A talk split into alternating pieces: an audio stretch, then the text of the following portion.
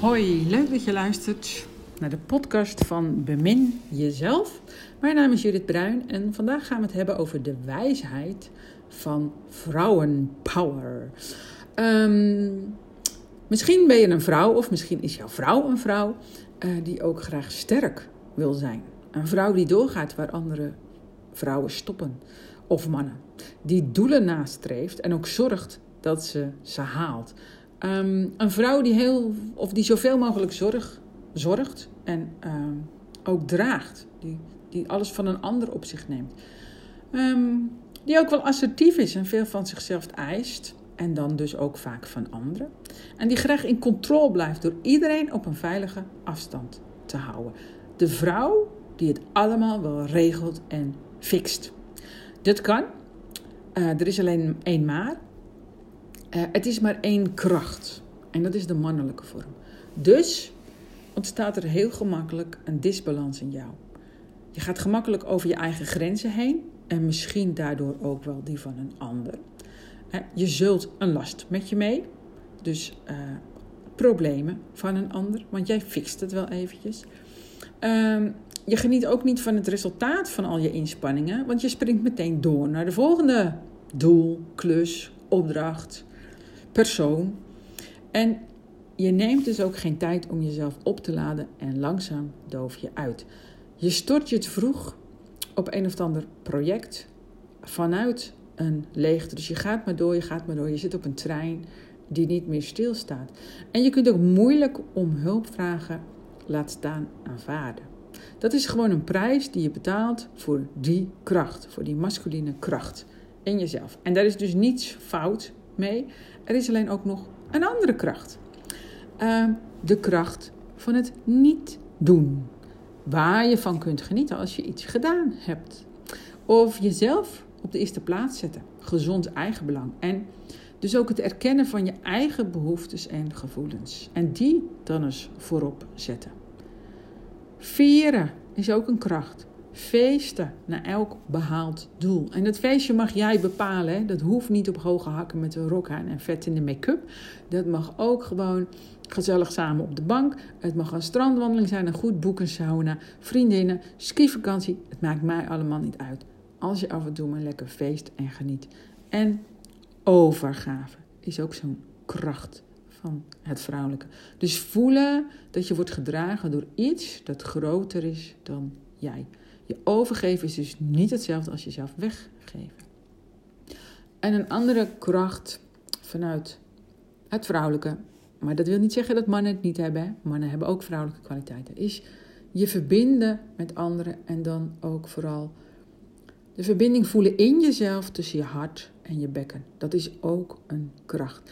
En samenwerking is die sleutel. Want ja, je moet het wel zelf doen, maar niet alleen. En je kunt het niet alleen, die vrouwelijke kracht, ontdekken. Of in ieder geval helemaal in jezelf wakker kussen. Want vrouwelijke kracht is een waterkracht. In tegenstelling tot mannelijke kracht, wat een vuurkracht is. Dus water is een, een zachte kracht, maar tegelijkertijd heel sterk. En water komt overal, hè? Als je het maar de tijd geeft. Dus waterkracht is kalm. Als je in tenminste geen stuwdam van wilskracht opbouwt rondom je middenrif, want dan wordt het weer een toestand. En ze is ook voedend als je maar de tijd neemt om je eraan te laven. Waterkracht is ook liefdevol als je de tijd neemt, de rust neemt om ervoor open te staan. En ze is ook vol vertrouwen als jij je ontspant. En ze is wijs omdat ze samenwerkt. En hoe kun je nou deze kracht, hoe kun je nou deze kracht als vrouw en als man gaan ontdekken, gaan voelen? En dit is heel, heel eenvoudig. Je gaat gewoon je inner world onderzoeken. Voelen wat van jou is en wat komt vanuit de verhalen, vanuit de overleving, vanuit een overlevingsmechanisme, een overlevingsdrang. En dan kun je bij alles wat je onderzoekt, bij alles wat je voelt aan vaak ook negatieve emoties, zeg maar. Als je daar nou bij kunt blijven en jezelf empathie daarvoor kunt geven, als je zacht kunt blijven, als je je ogen zacht kan maken, luister ook vooral een keer uh, de meditatie, de innerlijke glimlach. Um, dan kun je vanuit de emoties waarin je uh, zonder uitzondering uh, verzandt, allemaal doen we dat. We hebben allemaal dingen opgeslagen in ons lichaam die niet zo leuk zijn. En er zit ook een niet zo leuke emotie bij. Dus als je afdaalt in je inner world, ga je die ook tegenkomen. En als je daar met zachte ogen naar kijkt en niet op wilskracht iets uh, probeert te veranderen aan jezelf, of nog beter je best gaat doen, of uh, maakt niet uit, uh, dan kun je dus schakelen naar zelfcompassie of compassie voor die ander. En naar vertrouwen en rust. En dan, dan voel je alles, je begrenst jezelf en je voelt je veilig in je lichaam. In je eigen lichaam. Zodat je boos en verdrietig durft te zijn. Te laten zien wat er in je leeft. Dus als kinderen, we worden gewoon uh, gefragmenteerd. Dus delen die niet aanvaard worden van ons, uh, waarvoor je je zelfs bent gaan schamen, die onderdruk je die schuif je aan de kant, die werp je weg, die probeer te ver, verbergen. En dat, gaat, dat lukt niet, hè? Dat, dat lijkt dat het lukt. Het gaat even uit het zicht, maar het zit gewoon nog in jou. En op een gegeven moment kun je er zelfs bang voor worden, onbewust. Je kunt je er zelfs zorgen over gaan maken. Wat als iemand ziet hoe ik echt ben? Krijg ik dan nog wel de liefde die ik zo nodig heb? Wat als mijn partner ziet hoe ik echt ben, hebben we dan nog wel verbinding?